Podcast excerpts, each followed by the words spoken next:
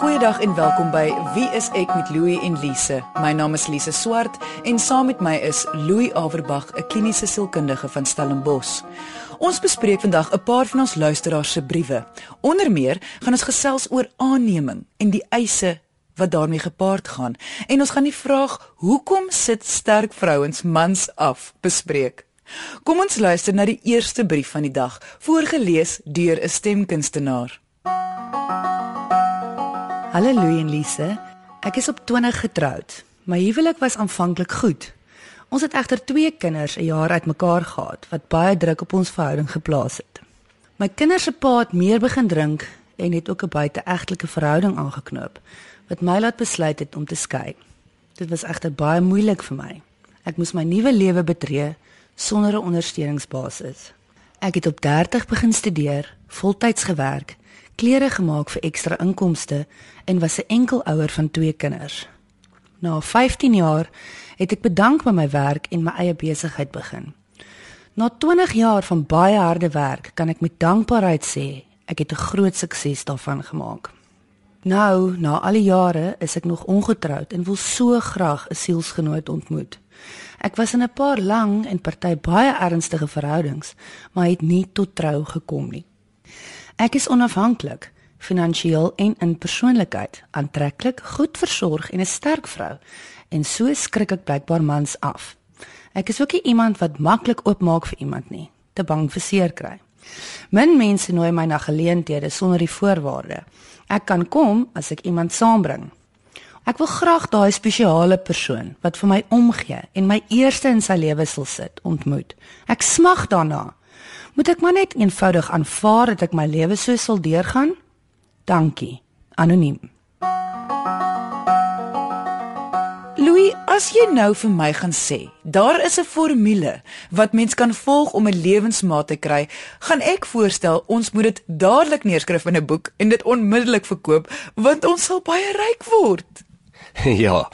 Kyk, daar miljoene mense het al hieroor gepraat, miljoene boeke is al hieroor geskryf, flieks word gemaak liedjies word geskryf hieroor en niemand het daardie formule nie.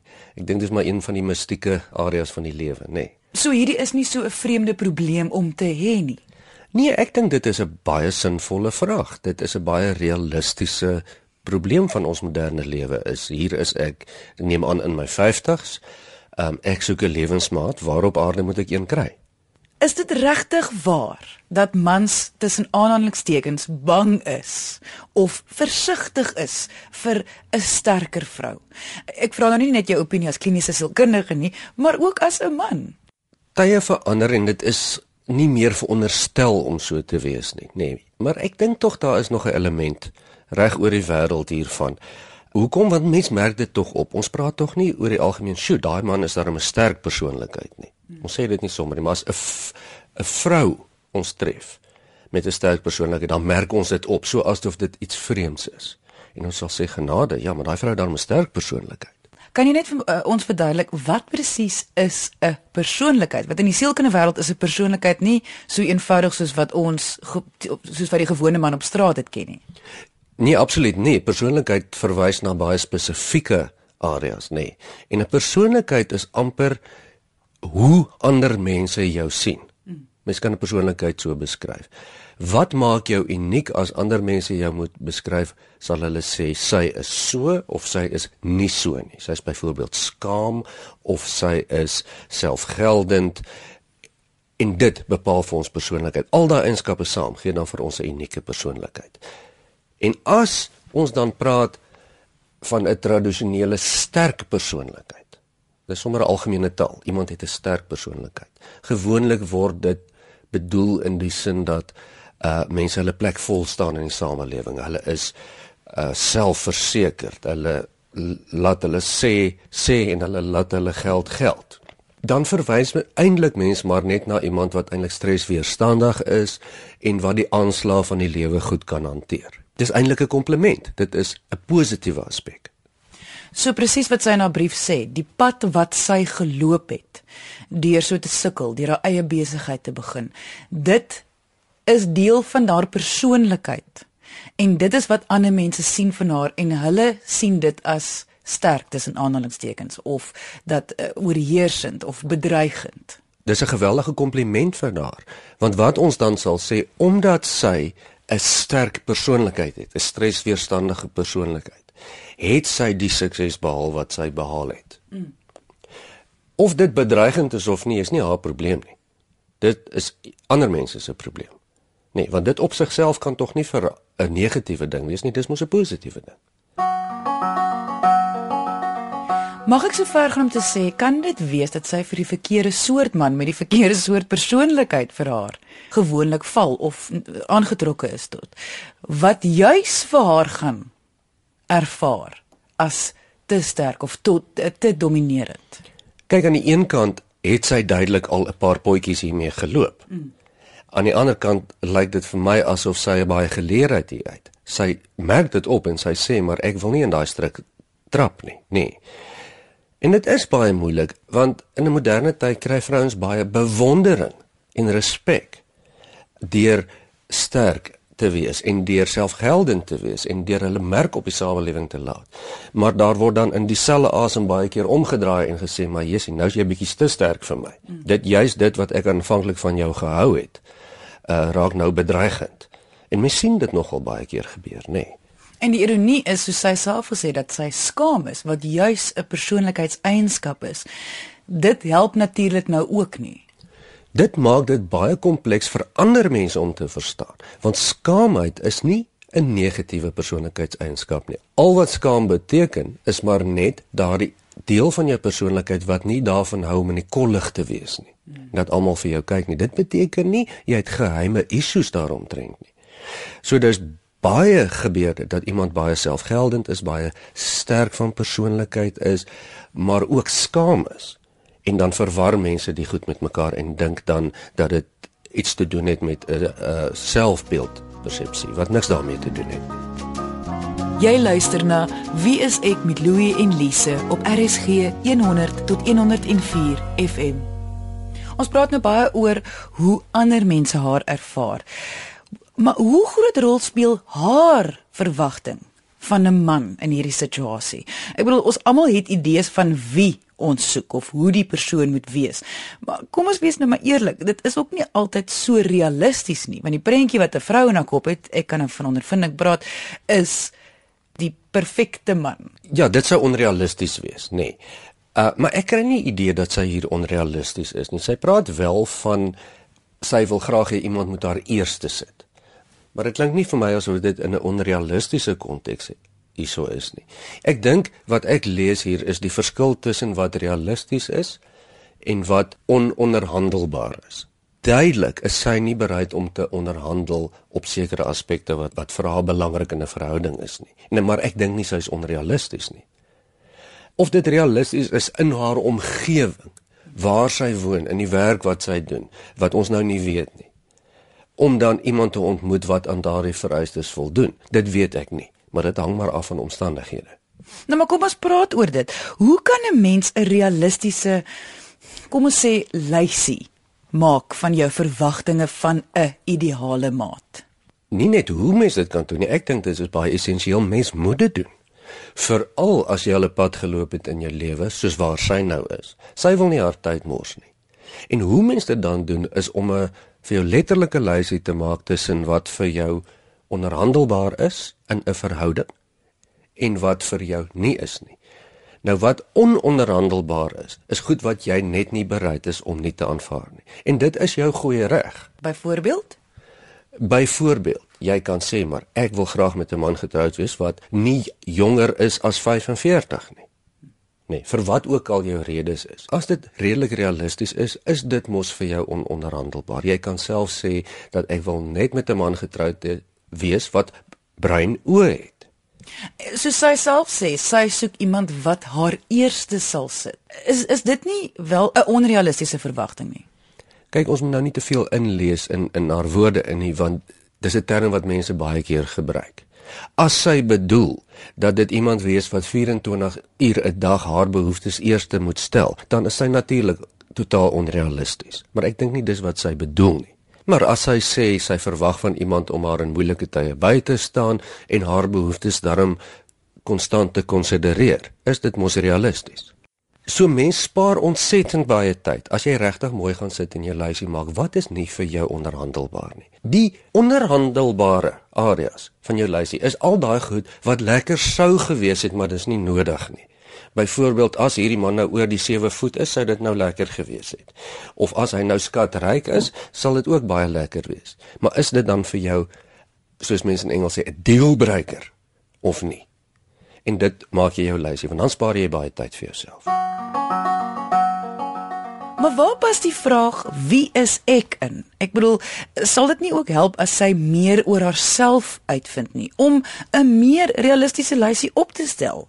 Natuurlik en dit is absoluut nodig vir jou lysie. Kom ons vat 'n voorbeeld. Dit is baie goed as jy jouself baie mooi kan verstaan en kan sê goed, ek het byvoorbeeld baie trauma in die verlede gehad omdat ek uit 'n gesin uitkom waar daar baie alkohol was byvoorbeeld. So ek weet ek het hierdie ding opgetel, ek kan nie daarmee saamleef nie. So een van my ononderhandelbare aspekte as ek nou lewensmaak soek, is iemand wat glad nie alkohol gebruik nie byvoorbeeld. Dis nie te sê jy's reg of jy's verkeerd daarmee nie, maar as dit vir jou ononderhandelbaar is, dan maak jy jou pad baie korter. Solank jy verstaan waar dit vandaan kom en dit is dan waar die wees ek gedeelte inkom. Kan die probleem ook dalk wees dat daar eenvoudig net geen persoon of man in haar direkte omgewing is nie. Met ander woorde, moet sy net dalk haar horison verbreek of die internet gebruik of by groepe aansluit nie. Wel, hierdie is 'n baie meer belangrike punt as wat baie mense besef. Dit is 'n statistiese oefening, die lewensmaat ontmoeting. En wat ek daarmee bedoel is as jy teoreties elke dag in jou huis bly, nooit elders heen gaan nie, met geen ander mense praat nie, is jou statistiese kanse om daardie persoon te ontmoet baie baie skraal. En wat ons gelukkig sien in die lewe is dat as mens min of meer jouself beskikbaar stel, dan wys die statistiek dat die gemiddelde persoon ontmoet darem mense in die lewe met wie jy 'n lewenspad kan stap. Mm. So as sy op 'n baie klein plekkie woon, en sy beweeg net tussen haar woning en haar kantoor byvoorbeeld, dan is jy heeltemal reg. Dan sal sy moet haar statistiese blootstelling baie vergroot. Dis maar soos enigiets in die lewe. As ek meer met musiek te doen wil kry, moet ek eenvoudig meer luister. Ek moet dit doen anders gaan dit nie van self na my toe kom nie. So ja, as jy nou al die moontlike vryers in die dorp ontmoet het en dit pas jou nie regtig nie, dan moet jy ander opsies genereer of oorweeg. Wanneer die skrywer van die brief nou 'n manier kry, dalk iemand ontmoet van wie sy hou. Sy is tog nou al klaar duidelik gespanne dat sy as sterk oorkom en soos sy nou self erken, sy is skaam. Wat sal jy vir haar sê? Is 'n goeie manier om die man 'n kans te gee om die ware persoon te leer ken. Gewoonlik die heel maklikste manier is jy vertel sommer vir mense. Sy kan mos eenvoudig net vir hom sê, "Goed, hier is ons nou op 'n afspraak. My ervaring is dat mense my nogal verwarrend ervaar. Want aan die een kant kan ek nogal skaam oorkom, aan die ander kant is ek bewus dat ek nogal sterk kan oorkom. Kom ek verduidelik sommer vir jou. Ja, ek is sterk aan die een kant en aan die ander kant is ek skaam ook. So dit is wat jy sê. Daar's mos niks verkeerd daarmee nie. So Louis, wat sal jou antwoord op hierdie brief wees? Ek gaan op die laaste sin van haar e-pos wat van haar brief. En dan sy vra is, moet ek nou maar aanvaar dat dit is nou maar hoe dit sal wees. Nee, natuurlik moet jy dit nie aanvaar nie. Ehm um, alhoewel jy geen beheer het oor wat ander mense gaan doen en hoe hulle ten opsigte van jou gaan reageer nie, is die statistiek absoluut aan jou kant. Jy klink soos 'n suksesvolle vrou, bo-gemiddelde vrou wat duidelik 'n uh, 'n uh, nie probleem het om belangstelling te ontlok nie. So hou maar net eenvoudig aan, moenie jou waardes verlaag nie en dit sal van self gebeur. En probeer dalk ook net ander opsies. Ons bespreek vandag luisteraars se briewe. Voor die advertensiebreek het ons 'n brief bespreek van 'n suksesvolle besigheidsvrou en enkelouer wat sukkel om 'n lewensmaat te ontmoet omdat volgens haar mans haar as 'n bedreiging ervaar. Indien jy dit gemis het en na vandag se episode wil gaan luister, kan jy op RSG se webwerf na die pot gooi gaan luister. Dis rsg.co.za. Soek net vir wie is ek en kies 'n episode volgens die kort beskrywing of uitsaai datum. Kom ons luister na die volgende luisteraarsbrief. Dit is geskryf deur 'n pa van 11 kinders en word voorgeles deur 'n stemkunstenaar. Geagte Louie en Lise, my en my vrou se eersgebore baba is op die ouderdom van 1 en 'n half jaar oorlede. 2 jaar na sy afsterwe is ons seentjie gebore en slegs 14 maande na hom is ons dogter gebore. Maar dit is nie waar ons kinderversameling geëindig het nie. Buiten ons twee biologiese kinders het iets onverklaarbaar gebeur. Ons het 9 kinders aangeneem wat vandag almal hul jeugjare ontgroei het en elkeen van hulle is gelukkig getroud. Elke aangenome kind het ons nie weerhou van hul biologiese ouers nie. Hulle is van kleins af ingelig aangaande die saak. Soos die jare verloop het, het hulle hul biologiese ouers ontmoet of kontak gemaak, maar hulle kompas naal draai terug na ons toe. Verskeie persone, vriende en familie het al kommentaar gelewer dat hulle nog nooit so 'n verhouding tussen pa en dogters beleef het nie. Dit is nou tussen my, my biologiese dogter en nog 3 aangenomes. My verhouding met my seuns is van onbeskryflike standaard. Almal van hulle vertel hul vriende dat ek nie hulle pa is nie, maar die meetinstrument in hulle lewe.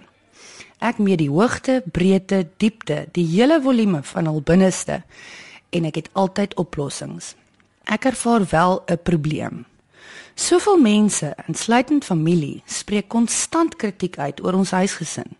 Omrede ek en my vrou nie toelaat dat die woord stief of aangeneem in ons woordeskat gebruik word nie, of dit jaloesie of afgunstigheid bevat, weet ek nie. Maar dit is so erg dat ek soms nie weet of ek die regte opdragte in my lewe uitgevoer het nie.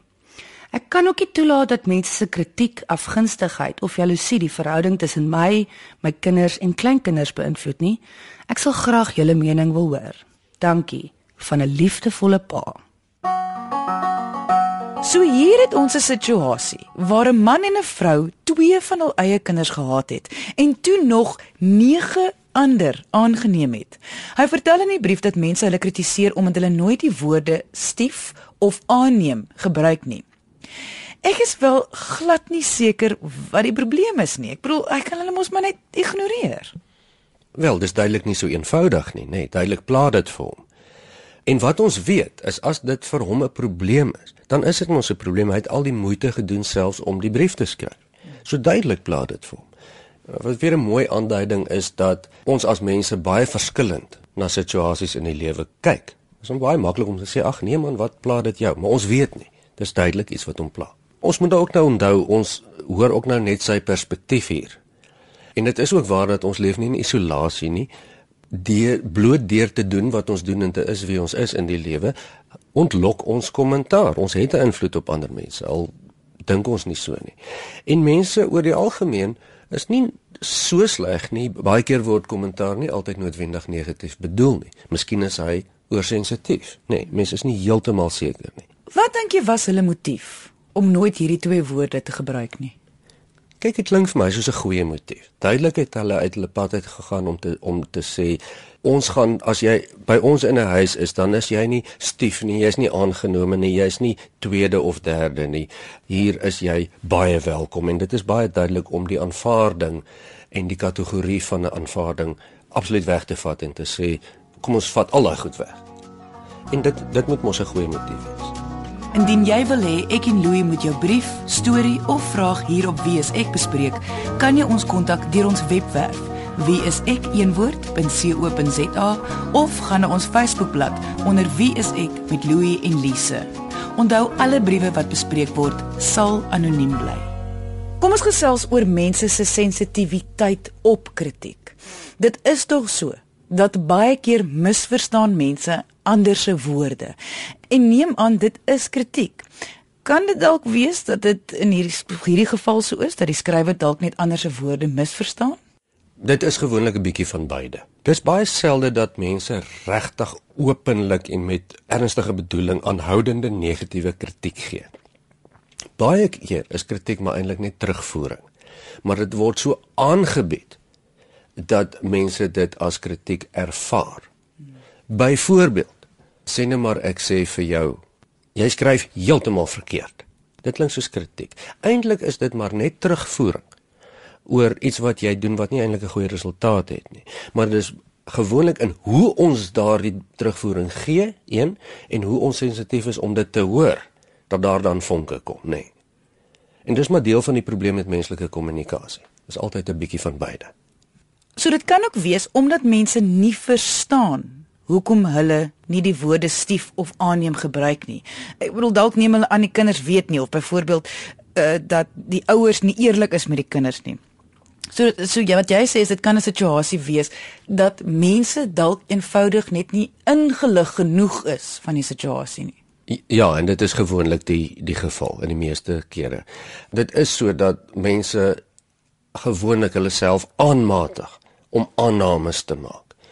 En ons is baie lief daarvoor om te raai wat ander mense se motivering vir hulle gedrag is en dit dan sommer te glo ook asof dit die waarheid is, nê. Nee.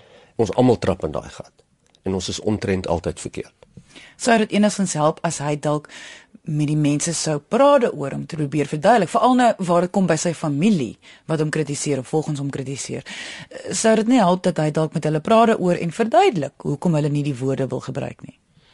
Miskien, ek kan nie dink hoekom nie kyk hy is duidelik tog nie 'n antwoord aan enige iemand verskuldig nie maar miskien in die geval van familie om striwelinge te vermy of wat ook al kan hy dalk eenmal mooi verduidelik hoe hy en sy vrou se gedagtes hier rondom is. Uh, hy het nie toestemming daarvoor te vra nie maar dit kan nie skade doen nie. Bekend maak bemind in die meeste gevalle.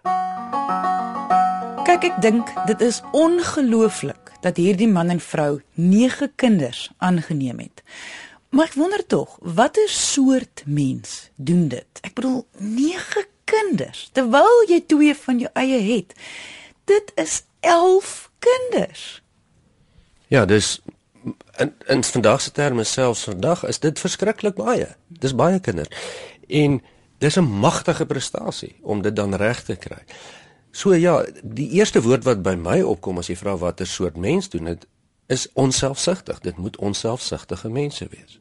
Ja, jy weet enige ouer sal vir jou vertel dit is nie maklik om kinders groot te maak nie. Om 'n kind groot te maak, twee kinders, drie kinders, vier kinders, om nege kinders groot te maak beteken jy moet regtig jou tyd, finansies, liefde, investering, jy moet baie onselfsugtig wees daarmee en baie verander omgee. So behalwe vir die goed wat jy nou genoem het, wat dink jy het hulle wel reg gedoen dat al die kinders selfs na hulle hul biologiese ouers ontmoet het, nog steeds hierdie man en vrou verkies? Ek bedoel, is bloed tog nie altyd dikker as water nie? Kyk in die geval lyk dit vir my dit gaan glad nie daaroor. Dit gaan nie hier oor wie verkies is en wie nie verkies is nie. Die manier as ons die epos reg glo en verstaan hoe die kinders grootgemaak is, is dat hulle hoef nie te kies nie. En ek dink dis dan die heel eerste ding wat hierdie egpaar baie baie goed en reg gedoen het. Deur nie uh kinders in 'n posisie te sit dat hulle moet kies nie en om eerlik te wees van die begin af. So wat sou jou raad aan die skrywer wees om homself te kan panser teen die kritiek? Ek sou sê maak nou net seker presies wat jou so ontstel. Wat is dit wat vir jou so seermaak, vies maak rondom die ding wat ander mense sê, want dit klink nie vir my dat julle die tipe mense is wat regtig julle hoef te steur aan baie kritiek nie. So kom ons luister, miskien is daar iets te leer uit die kritiek uit. En en en en kyk, is daar iets daarin wat jy kan beheer? En dit wat jy nie kan beheer nie, laat gaan eenvoudig en gaan dan eenvoudig voort om goeie verhoudings te handhaaf soos wat jy doen. So wat jy sê is, hy moet miskien net gaan luister wat mense sê. Miskien kry hy selfs die geleentheid om te verduidelik of miskien gaan hy die kritiek ook baie beter kan verstaan. Ja, en as dit dan nie die geval is nie, dan is hy ook niks armer nie. Ons het aan die einde van vandag se episode gekom. Indien jy enige vrae oor vandag se onderwerpe het, kan jy ons kontak deur ons webwerf. Dit is wieisek.co.za. Ons stel ook altyd belang in jou opinie oor onderwerpe wat ons hier op WSEK bespreek. So kom gesels saam op ons Facebookblad onder WSEK met Louie en Lise. Dankie dat jy vandag ingeskakel het. Ons maak weer so volgende Vrydag 12:30 net hier op RSG. Jy moet 'n heerlike naweek hê en onthou, kyk mooi na jouself.